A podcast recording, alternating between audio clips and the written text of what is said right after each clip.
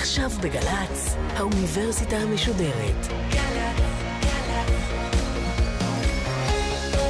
מה שקורה עכשיו.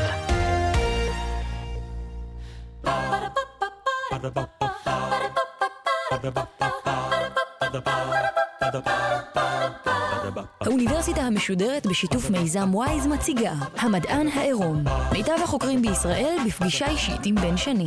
והפעם הפרופסור דניאל מייקלסון מנהל מרכז רבין לנוירוביולוגיה באוניברסיטת תל אביב על מחלת האלצהיימר חלק ראשון. ערב טוב לכם מאזיני גלי צה"ל וערב טוב לקהל הגדול שלנו כאן בפאב האיסמי סלמה בתל אביב. ערב טוב פרופסור דני מייקלסון. דני. דני זה מספיק? מספיק.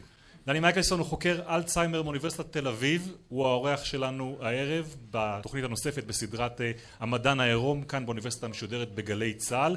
אנחנו מקליטים את הסדרה הזאת מול קהל שגם ישאל תוך כדי שאלות.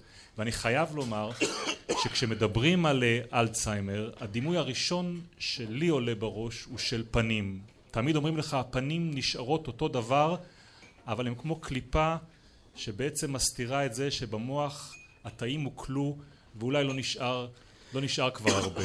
ואני חושב על הפנים של הנשיא האמריקני רונלד רייגן על הטקסט שהוא השאיר במכתב שהוא כתב לציבור לפני שהוא נפרד ממנו. אני מתחיל את המסע לעבר שקיעת חיי. אני זוכר את חלוץ ההייטק הישראלי את אפי ארזי. כן. אני זוכר אותו בריאיון לאילנה דיין איש שהתעשייה הישראלית חייבת לו חוב ענק עומד שם אדם מרשים כמו שתמיד היה ומחפש את המילים לתאר את התחושות שלו. אני בטוח שכל אחד זוכר מנהיגים וספורטאים ואומנים וכמובן אנשים שקרובים אליו אנשים שאנחנו מתגעגעים אליהם והם עדיין חיים איתנו. ואנחנו לא יודעים את השאלה הכי גדולה אם הם בכלל זוכרים את הרגעים היפים של חייהם אם הם זוכרים מי הם היו ומה עדיף מה עדיף במצב הזה? האם עדיף לזכור או עדיף המצב שבו אתה כבר לא יודע? אבל אנחנו הולכים היום לדבר על אלצהיימר מזווית אחרת לחלוטין לנסות להתרחק קצת מהפנים האלה ומהכאב של המחלה ולנסות לדבר עליו מכיוון שיש בו אפילו תשוקה לפעמים גם הומור בטח הרבה אמביציה ויצירתיות וזה הכיוון המדעי וזה נעשה בעזרתך פרופסור דני מייקלסון. אני חייב להגיד כמה שאלות שאני סימנתי לעצמי שאולי עד סוף הערב הזה נקבל עליהן תשובות. איך מייצרים עכבר חולה אלצהיימר? אני בכוונה אומר מייצרים אבל איך מצליחים גם לאבחן אם הוא עברי? אוקיי אתה מתחיל יפה באמצע.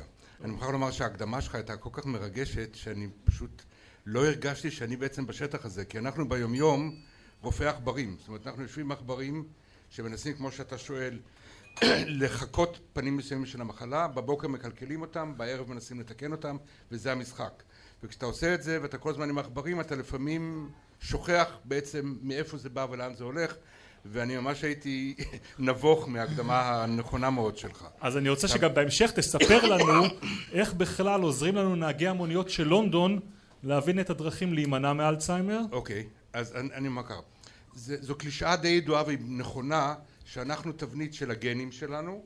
הבחירה הכי חשובה זה אם היינו יכולים לבחור את הגנים מההורים לפני שנולדנו זו הייתה החלטה מושכלת. אז הגנים חשובים וגם הסביבה חשובה. כולנו יודעים את זה כאמת מקובלת. השאלה היא להוכיח את זה ולהדגים את זה. אז אני רוצה לתת לכם שתי דוגמאות. אחת כיצד מה שאתה מביא מהבית חשוב והשנייה היא כיצד מה שקורה לך בחיים חשוב. אז התחלתם על נהגי מוניות אז אתם יודעים לונדון היא עיר מאוד קשה לנהיגה. ובשביל להיות נהג מונית בלונדון זה דורש כישורים של פרופסור באוניברסיטה ממוצעת במזרח התיכון. קשה מאוד להתקבל בחינות מאוד קשות. אז בא למישהו הרעיון הבא. הוא אמר בוא נסתכל במוח של הנהגי מוניות. יש אזור שפועל כשאנחנו מנווטים מרחבית. והם אמרו את השאלה הבאה אם דבר כזה מתפתח עם החיים ותלוי בפעילות שלנו אז אולי אצל נהגי המוניות יש שינוי באזור ומה שהם מצאו בצורה ממש אלגנטית ומדהימה שכמה שאתה יותר שנים נהג מונית האזור הזה יותר מתפתח. זה ממש ממצא יפה. כי הם פשוט צריכים לשלוט בכל דרכים בלונדון הם פשוט צריכים לנווט. אתם בניו יורק למשל נהגי המוניות לא כך חכמים כי הכבישים הם מרובעים אבל בלונדון צריך לנווט וזה קשה ובאמת העובדה היא שהמוח שלהם יותר מפותח. מה זה אומר למשל מול נהגי אוטובוס? זהו זה אתה אתה שואל מהר מדי הנקודה במחקרים תמיד אתם מכירים את הסיפור עם הזבוב והכנפיים לוקחים זבוב, מורידים לו, מורידים, בסוף הוא לא עף, ואומרים סימן שהוא חירש. הבעיה בניסיונות האלה היא תמיד האינטרפטציה. והרבה פעמים החוקר יש לו היפותזה, כמו שאני מתאר לכם, הוא מקבל תוצאה תואמת ומיד הוא מסיק את המסקנה שהכל בסדר. חסר הבקרות, ובניסוי הזה היה משהו מאוד אלגנטי, שאותם חוקרים אמרו בואו נסתכל על נהגי אוטובוס. במה שונה נהג אוטובוס מנהג מונית? שהוא נוסע באותו מסלול כל הזמן. לא צריך לנווט. אצל נהגי האוטובוס לא היה את השינוי הזה במוח. אז זאת אינדיקציה שאני חושב שאם תיקחו איזה take home message מהרצאה לגביכם באופן עצמי, הביולוגיה עובדת על העיקרון של use it or lose it, אוקיי? מי שיודע תלמוד זה מריבו שבע משביעו רעב בקונטקסט אחר, לא צוחקים, סימן שאתם לא יודעים תלמוד, אבל תחשבו על זה, תבינו. אמרת מהר מדי. משביעו רעב מריבו שבע? כבר יודעים. כבר יודעים. אני אסביר אחר כך מי שירצה. בכל אופן, זה שצריך פעילות בשביל אה, לפתח ולשמור, אני חושב שהדוגמה הזאת מראה. יש דוגמה אחרת מנוגדת בדיוק, שמראה שמי שאתם בגיל צעיר זה מה שאתם תהיו בגיל מבוגר. ישנו מחקר בארצות הברית של מסדר של נזירות שהתאגד יחד עם האוניברסיטה פיטסבורג כדי להשקיע ולהקדיש כמה שאפשר בשביל לחקור את האלצהיימר. היתרון בנזירות שהן גוף של נשים שחיות באותו אזור הרבה זמן, הם, יש את כל ההיסטוריה המתועדת ממכתב הקבלה בגיל 12, המוחות בשלב יותר מאוחר גם כן ניתנים לבדיקה. ונשאלה השאלה מה גורם לכך שאצל חלק מהנזירות יהיה אלצהיימר ואצל חלק לא יהיה. עקבו אחרי מגיל איזה? במנזר יש רקורד מזמן שהם נכנסו למנזר כנערות בנות 12-13. עד מותן. עד מותן, בדיוק. וכשהם רצו להתקבל למנזר הם היו צריכים לכתוב מכתב בקשה ולהסביר למה הם רוצות לבוא. אז היו כל מיני ספקטרום של מכתבים, היה הנוסח באתי ראיתי הלכתי, והיה משהו עם הרבה מאוד רוחב, עומק וכדומה. מה שנמצא וזה מדהים, שאותן בנות שהמכתב שלהם היה עשיר, ולא נגדיר כרגע עשיר אבל אנחנו מבינים את זה, היה להם פחות אלצהיימר, אוקיי? כלומר מה שהם הביאו מהבית כבר בגיל 12-13 תרם להם משהו לעתיד. כלומר מה, אם הן כותבות עם יותר דמיון? הקונספט הוא שאם הן כותבות עם יותר דמיון יש להן יותר עושר. אם יש יותר עושר צריך להסביר מה זה עושר, אז אני אתן דוגמה של תחבורה. תארו לעצמכם שאתם צריכים לנסוע מעיר לעיר, מתל אביב לנתניה, ויש כביש אחד. הכביש הזה נסתם, no go, אי אפשר להגיע. אם יש עשרה כבישים ואחד נסתם, אז עוקפים את הכביש הסתום. הרעיון עם האנשים האלה הוא הקונספט שנקרא cognitive reserve. אנשים יש להם יותר רזרבה קוגניטיבית, יותר יכולות, המכתב העשיר מדגים את זה, ואז הפגיעה היא אותה פגיעה, אבל אם יש לכם עשר אופציות ושלוש נפגעות, מצליחים יותר טוב מאשר אחד שיש לו רק שלוש אופציות וכולן נפגעות. השאלה האחרונה שאני מפציר בך, אל תענה עליה עכשיו, okay. אוקיי. נשאר קצת מתח, זה כמה אנחנו קרובים לתרופה. אני מניח שזאת שאלת השאלות שמעניין. אני אתן לך רמז שאפשר תוכניות כאלה עוד לעשות כמה שנים. כבר אתה רוצה לתסכל אותנו? הקהל פה צעיר. לא אני, לא, אני רוצה להגיד משהו שהוא נורא חשוב. אנחנו חיים היום בעידן של אינסטנט, אוקיי? טיק טק יש תשובה. וזה בעיה עצומה, כי אנשים שנמצאים במדע, הדודה שלי כל הזמן שואלת, נו, נו, תביא כבר את, ה, את התוצאה. וזה בעיה, כי לוח הזמנים שאנשים שעושים במחקר הוא, הוא לוח זמנים מאוד שונה מהלוח הזמנים של אנשים שקוראים את, אה, את ידיעות אחרונות או העיתון השני שאני לא רוצה להזכיר את שמו, אוקיי? אז הקונטקסט הזה אני מעריך שייקח, לא יודע להגיד כמה שנים, אבל זה לא במיידי, זה רחוק לא התאפקת מלענות. לא, אבל אני רוצה שאנחנו באמת בתחילת הערב הזה כבר נסמן וננסה אולי להבין מה מעניין את הקהל שיושב מולנו מה זה אלצהיימר? שואל אותנו מישהו כאן. אוקיי. כן, שאלה אחרת? אלצהיימר בתקופות אה, קדומות יותר, אלף שנה, אלפיים, שלוש, ארבע אלף שנה אחורה, כשבני אדם חיו אה, פחות שנים. אם יש עדויות או משהו בסגנון. אתה לא יכול לחייב אותי לזכור שלוש שאלות, אתה מבין? זאת תהיה בעיה. אתה רוצה שאנחנו נתחיל באבחונים עכשיו? כן, בדיוק. אוקיי. אני רושם. אתה רושם? אני רושם. אוקיי, כי זה מרתק על העניין הזה של ההיסטוריה. עוד שאלה פה מהקהל? אה, עוד שאלה, מה האפקטיביות של תרופות שקיימות היום בשוק? אוקיי. תרופות. ועוד מישהו? כן, שמה בבר? מריחואנה אה, היא חלק מהתרופות שמציעים לאלצהיימר? בשלב מוקדם זה חיובי. רגע, ועוד שאלה כאן? עוד שאלה כאן? אה, מה אנחנו יודעים היום על אה, תורשה של המחלה הזאת? אוקיי. אוקיי, אז אנחנו נתחיל, אנחנו נגיע עוד פעם לשאלות. אני רוצה אבל להתחיל איתך באמת בסיפור האישי שלך. אוקיי. איך אתה מגיע בכלל לעיסוק הזה? או, זה מסובך. אני הגעתי מרקע אקדמי, של ילד טוב רחביה ירושלים, וזה די היה ברור שאקדמיה זה הכיוון. והשאלה הייתה רק בתוך האקדמיה לאן ללכת. ובאותה תקופה למדתי פיזיקה תואר ראשון. היה לי מורה נפלא, יהודה אלקנה, מורה לפיזיקה, שפשוט הדליק את כל המחזור וגרם לנו לאהוב את הנושא. אני זוכר, הוא לקח אותנו לסיור אסטרונומי בחוץ. ופתאום קרתה לי חוויה ניוטונית, זה קצת, אה, אני צריך להיות צנוע, זה היה 300 שנה אחרי ניוטון, אוקיי? אבל פתאום הבנתי שאותם חוקים ששולטים על נפילת הכוכבים בשמיים, זה החוקים שנמצאים בארץ. זאת אומרת, זה מה ש... כמו שאמרתי, 300 שנה לפניי ניוטון גילה, אבל כשאתה מגלה את זה באופן אישי, יש לך חוויה מזה שנשארת איתך הרבה זמן. אז זה הדבר האישי. בדבר הסוציולוגי, זה היה הזמן שהרוסים שלחו את המלוויין הראשון, את הספוטניק לחלל, וכל החברה המערבית נכנסה לפאניקה, שהרוסים מובילים, ואז היה סרג', היה פריצה של אנשים שלמדו פיזיקה והייתי שייך לדבר הזה. אז מה שאני מעביר לכם, שיש דברים שאתה חושב שאתה מחליט ויש דברים שמחליטים בשבילך, וזה השילוב של שני הדברים האלה. ואחרי שלמדתי תואר ראשון פיזיקה בירושלים, מתמטיקה פיזיקה, אז בעצם הייתה מילה שנשמעה לי מאוד סקסית שזה ביופיזיקה. זה היה נראה לי שזה מכיל בתוכו את האלגנטיות של הפיזיקה ואת הרלוונטיות של הביולוגיה. ואני מדגיש בכוונה את הילדותיות והרומנטית, אני לא ידעתי מה זה ביופיזיקה, אבל זה היה נשמע לי עם האלמנטים המרכיבים, הנכונים. ואז נסעתי לארה"ב, למדתי ביופיזיקה, עשיתי שם דוקטורט, ואחרי דוקטורט הייתה השאלה היא איפה ליישם את מה שלמדת, כי ביופיזיקה זה יותר כלי עבודה, ואז בעצם בדור שלי, לא נעים להגיד לפני חמישים שנה, אבל זה באמת כך, אה, אני דרך אגב הפסקתי להגיד את הגיל שלי, אני אומר מתי נולדתי וזה נשמע הרבה יותר טוב. יליד 45 נשמע הרבה יותר טוב מאשר גיל 70. אבל הייתה השאלה לאן ללכת, והיו בעצם שתי אפשרויות עקרוניות, או גנטיקה או נוירוביולוגיה. מבחינת ההוויה הבסיסית, נוירוביולוגיה נראה לי עוסק בשאלות היותר מעניינות והיותר חשובות שעניינו אותי וגם רבים אחרים. ואז נכנסתי לשטח ועבדתי כך וכך שנים, ואז נוצר משבר. הכיף בלעשות מדע, חוץ מלהתפרסם ולהיות עשיר וכדומה, הוא למצוא הקשרים. זאת אומרת, להיות מסוגל להגיד, זה נובע מזה, מזה הכל בנוי, ולכן אני בונה לי איזשהו מבנה, שלמשל דת, מבחינתי זה המדע הכי טוב, יש לי בעיה עם האקסיומה הראשונה אולי, אבל זה אקסיומה אחת, הכל נבנה, נבנה ממנה, אוקיי? אז במדע אנחנו מחפשים בדיוק אותו דבר, אבל יש דיון על האקסיומות. ומה שהסתבר בביולוגיה זה מקצוע מאוד קשה מבחינה זאת שאתה לא עושה הרבה פרדיקציות, אתה חוקר ואתה רואה שלזה ככה לזה ככה, אבל לבוא בבוקר ולהגיד וואו E שווה MC בריבוע, סתם נוסחה של איינשטיין אתם מכירים, ומזה אני יודע איך, איך צפרדעים מקרקרות וזבובים עפים, זה מאוד קשה. וזה יוצר איזשהו משבר של, של אנחנו רוצים להבין ובעצם לא מבינים, רק מתארים איזה שהם הקשרים. והפתרון מבחינתי היה למצוא מחלה טובה. אמרתי, אם אני אמצא מחלה טובה, כלומר מחלה רעה, שהיא חשובה, אז אני אוכל לעשות דבר שהוא רלוונטי, וברגע שאתה עושה אותו רלוונטי, הסיפוק של ההבנה הוא פחות חשוב. כי זה לא משנה בכלל אם אתה מתעסק באלצהיימר, אם תמצא שהפתרון הוא מריחואנה, או איזשהו שורש שגדל בסין. אז זה, בעצם זאת ההיסטוריה. ובאמת, מה עושה את האלצהיימר, כמו שאתה אומר, מחלה טובה?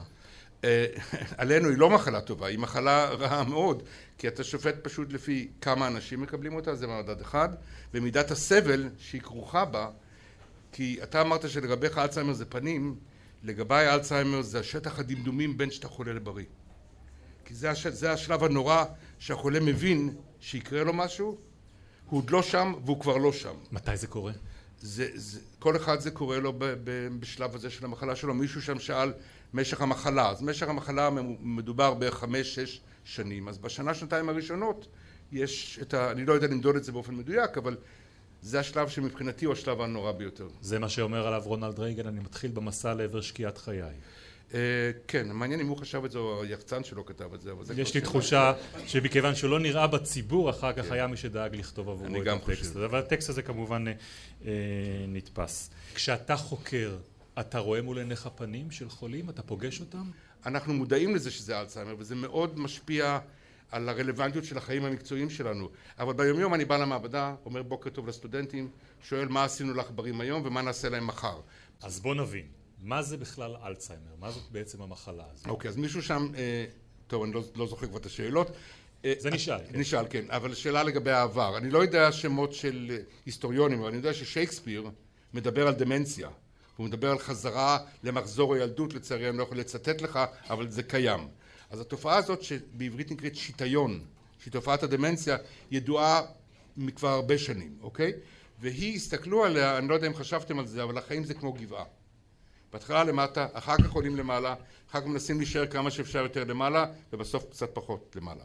למשל בלרוץ אחרי האוטובוס, אני משער שגם חלק מהצעירים כבר עברו את השיא ורצים קצת פחות מהר. אז זה שהחיים שלנו הם גבעה מקובל. המחשבה הייתה שאם השרירים שלנו הרגילים הם גבעה, אז גם המוח הוא גבעה, ולכן השיטיון הזה, שזה דבר התנהגותי, הוא בעצם דבר בלתי נמנע. זה חלק אינטגרלי מהחיים. כמו שהם מתים בסוף, ככה גם מתנוון המוח.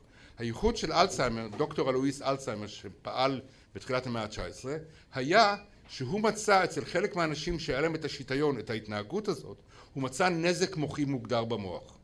והדבר הזה שהוא מצא נזק, הפך את זה מתופעה בלתי נמנעת למחלה. כשאתה אומר נזק, למה אתה מתכוון? אז כשמסתכלים במוח, כשמסתכלים במוח, מה שרואים זה צלקות. למשל, צלקת אחת, אתם יודעים, בשיניים יש מה שנקרא פלק. מה זה פלק בשיניים? זה חומר מת ששוקע על השיניים אם לא מצחצחים טוב. אז במוח של החולים רואים פלקים, רואים תאים שנראים כתאים לא במצב טוב. החתימה הזאת של ההסתכלויות היא, זאת אומרת הגדרת מחלת אלצהיימר היא שיטיון מחוץ לגוף והצלקות האלה בתוך הגוף. גישה ראשונית, מה שאלצהיימר עשה, היא הייתה דמנציה בחיים והמוח לאחר החיים, אוקיי? האפשרות היחידה שהייתה זה לבדוק מוח של אדם שהיה בחייו דמנטי ולמצוא קורלציה בין הדמנציה לבין מה שהוא מוצא במוח, אוקיי? וככה זה יתקדם וזה כמובן מאוד פרובלמטי כי אתם רוצים לעזור לחולה ולבדוק לו את המוח ככה כבר צו שפייט, זה לא יעזור. עכשיו מה שקורה בשנים האחרונות זה התפתחות מאוד גדולה שהשטח של ההדמיה שאותו ניתן לעשות עם אנשים תקינים צובר הרבה תאוצה ופיתחו כל מיני צבעים, כל מיני חומרים שנדבקים לצלקות האלה ולכן אתה מסתכל בתוך המוח של, החול, של אדם בריא אתה רואה את הצבע הזה וזה מנצנץ לך שיש לו את הצלקות ועכשיו זה בעצם פותח שטח חדש שהוא מאוד מאוד באמצע העשייה ממתי הצלקות האלה מופיעות, אוקיי? ממתי, מישהו שאל פה משך המחלה, ממתי זה מופיע? האם זה מופיע, הרי יש דברים שמופיעים ברגע שהם קורים, שברתם יד, באותה שנייה שברתם יד. מסתבר שהמוח של חולים, המחלה מקננת הרבה מאוד זמן לפני שמופיעה בחוץ, אוקיי? הרבה זמן, אולי עשר עד עשרים שנה, אוקיי? זה מתייחס לנקודה שלרובנו יש רזרבות, אז אנחנו מקלים, מקלים, מקלים ובסוף חולים. יש ויכוח עצום בשטח מה הם אומרות הצלקות. תחשבו רגע על פצע ביד לאחר תאונה. אתם באים לרופא שנתיים שלוש אחרי התאונה ומה יש לכם פה? צלקת, אוקיי? די קשה אם מסתכלים בדוגמה של היד עכשיו כשמסתכלים על הצלקת לדעת מה בדיוק היה בתוך היד. אתם איתי? אז לכן כשרואים את הצלקות האלה במוח הוויכוח הוא האם הצלקת זה המחלה? האם הצלקת זה תא משהו שהוא חולה? ויש אומרים גם שהצלקת זה בסך הכל אבן הזיכרון לאחר הקרב, אוקיי? האנדרטה. זאת אומרת, אנחנו לא... היה שם משהו שהתחולל לפני עשר שנים, בדיוק, משהו שהתחולל לפני, וזה נורא קשה. מה, זה יכול להיות גם טראומה? זה יכול להיות גם טראומה, חבלות ראש זה לא דבר מומלץ בשום פנים, אבל מישהו שאל על טיפול, אחת הבעיות המרכזיות בטיפול שאתם רוצים לתת כמה שיותר מוקדם, ואם מחלה כמו אלצהיימר מתחילה, מקנן בגוף, עשר שנים לפני שהרופא רואה אותה, אז את התרופה צריכה לתת לפני עשר שנים, אבל הרופא לא ידע שהוא חולה. אז יש פה קושי עצום שמתגלגל בתוך השטח, וההדמיה תעזור לנו, כי עכשיו בעזרת ההדמיה אפשר לראות את זה בשלבים מוקדמים פרה-קליניים. ומה באמת האבחון? את הצלקות בתוך המוח לא רואים כשהחולה בריא, ואז יש, כשבאים לרופא והוא עושה אנמנזה, כלומר הוא נותן את מהלך המחלה, יש כמה דברים שיותר אופיינים לאלצהיימר מאשר לסיבות אחרות של דמנציה, שיטיון. למשל, אחד הדברים האופיינים באלצהיימר זה מהלך הדרגתי ויורד. בניגוד לנניח דמנציה שקשורה לשטף דם במוח, שזה בא מהיום למחר. אבל בכלל, אנחנו קוראים לאלצהיימר כל הזמן מחלה, אוקיי? וכשאומרים מחלה, חושבים על דבר אחד, תרופה אחת שתפתור את הבעיה. כמה סוגים של טיפולים יש בסרטן? אני לא יודע, אבל זה הרבה, נכון? באים לרופא, וזה טיפול אחד לסרטן מטיפוס א', טיפול שני מסרטן מטיפוס ב'. סרטן שנמצא בברך זה שונה מסרטן שנמצא בכליות. זה אותו דבר יהיה גם במוח, כרגע אנחנו רופאי עכברים, זה התפקיד שלנו, לנסות ולפרוס ולהבין את הסוגים השונים של אלצהיימר, כי לפי דעתי האישית זה לא דבר אחד, אוקיי? והתפקיד הוא לנסות למצוא הבחנה שמגדירה בין אלצהיימר ירוק, ירוק זה סתם מילה אבסטרקטית, אלצהיימר אדום, ולכל אחת מהם יכול להיות שטיפול שונה. ואתם רואים את הבעיה, אם יש נניח ארבעה סוגי אלצהיימר, ויש לי טיפול יעיל מאוד לסוג א', אבל אני בודק את זה על כל החולים, אני אכשל. כי שלושת, אתם איתי או שזה מהר מדי? בנות. בסדר? אוקיי. אז, אז בקיצור, יש הרבה בעיות. אתם לא צריכים אבל לצאת מהרגשה של ייאוש, אוקיי? כי כשבאים לכינוסים ורואים את האנשים שעובדים בשטח, הם לא מדוכאים, אולי הם צריכים להיות מדוכאים, אבל יש תחושה שיש מה לעשות, כי הייאוש הוא כשאתה לא יודע לאן ללכת. כן? נשאלת פה אם יש איזה וירוס, איזה חיידק. וירוס חיידק. אלצהיימר, אוקיי, אני, וירוס חיידק וגנטיקה זה מתקשר לאותו סוג של שאלה, אוקיי? בגדול, מחלת אלצהיימר, אני רוצה לפני רגע שאני מגדיר מה זה גנטיקה, לעשות הבחנה בין משפחתי וגנטיקה. כי כל החיים שלנו אמרנו כבר זה גנטיקה מהבית וסביבה, אוקיי? כשאנחנו אומרים גנטיקה אנחנו בעצם מתכוונים לומר המושג המקצועי נקרא אוטוזומל דומיננט, אבל מה שחשוב זה שזה צפוף במחלה. יש לאבא, יש לדוד, אפשר לעשות פרדיקציה במאה אחוז למי יהיה. לזה אנחנו קוראים גנטי, אוקיי? אז בקונטקסט הזה, אלצהיימר הוא לא מחלה גנטית, זו בשורה מאוד טובה, הוא לא מחלה גנטית. כשלושה אחוז מהחולים בלבד, שלושה אחוז, המחלה שם משפחתית. כלומר, אם לאבא או לסבא היה, סיכוי גדול שהוא יעבור לילדים. לגבי הווירוס והחיידק, אז המחשבה הבסיסית היא שאלצהיימר זאת לא מחלה מדבקת, אוקיי? ושלא מעורבים בה לא וירוס ולא חיידק. אני רוצה שבנקודה הזאת אנחנו נחזור אל הקהל שלנו ונבקש מכם לשאול את פרופסור דני מייקלסון האורח שלנו כאן אה, הערב. טוב אני רוצה לשאול אם אני באה לרופא ואני אומרת לו שאני ניגשת לפריג'ידר ואני שוכחת מה רציתי לעשות האם זה לא מספיק בשביל לשלוח אותי ל-MRI? אני אענה לך ככה ראשית מכיוון שאני רופא עכברים אז אני לא אתן לך תשובה אישית האמירה הכללית היא זה שאם את שוכחת את המפתחות זה לא נורא אם את שוכחת בשביל מה המפתחות יש בעיה אוקיי? אז, אז אם את קורא, לך, קורא לאותו בן אדם מסוים לא את ולא אני שהוא מגיע למקרר והוא פתאום לא מבין מה הוא עושה שם, אם זה קורה הרבה, אוקיי? אז אני הייתי אומר שיש פה סממנים של שיטיון, שימי לב, לא אמרתי אלצהיימר, סממנים של שיטיון, והייתי ממליץ ללכת למרפאת זיכרון, מרפאת דמנציה, יש כאלה באיכילוב והרבה מקומות אחרים, ושם יעשה האבחון המלא. אז מה ממש ההבדל בין שיטיון ובין אלצהיימר? אוקיי, שיטיון זה תנאי הכרחי להגדרת אלצהיימר, אבל לא מספיק. כלומר, שיטיון מגדיר את ההתנהגות, דמנציה, אובדן זיכרון, התמצאות במרחב, בעיות בשפה ובסוף אפילו activity of daily living, דברים טריוויאליים לא ניתן לבצע. זה שיטיון, זה דמנציה, אוקיי? השאלה היא מה הביולוגיה שעומדת מאחורי זה, מה הסיבה לזה. ומאחורי זה יכולות לבוא כמה סיבות, אלצהיימר זו אחת הסיבות. האם uh, מישהו שכבר סובל מה, מהמחלה, uh, יכול, uh, אפילו בשלבים מתקדמים, יכול ללמוד דברים חדשים? Hmm. אני לא יודע לענות לך במאה אחוז, אני לא יודע.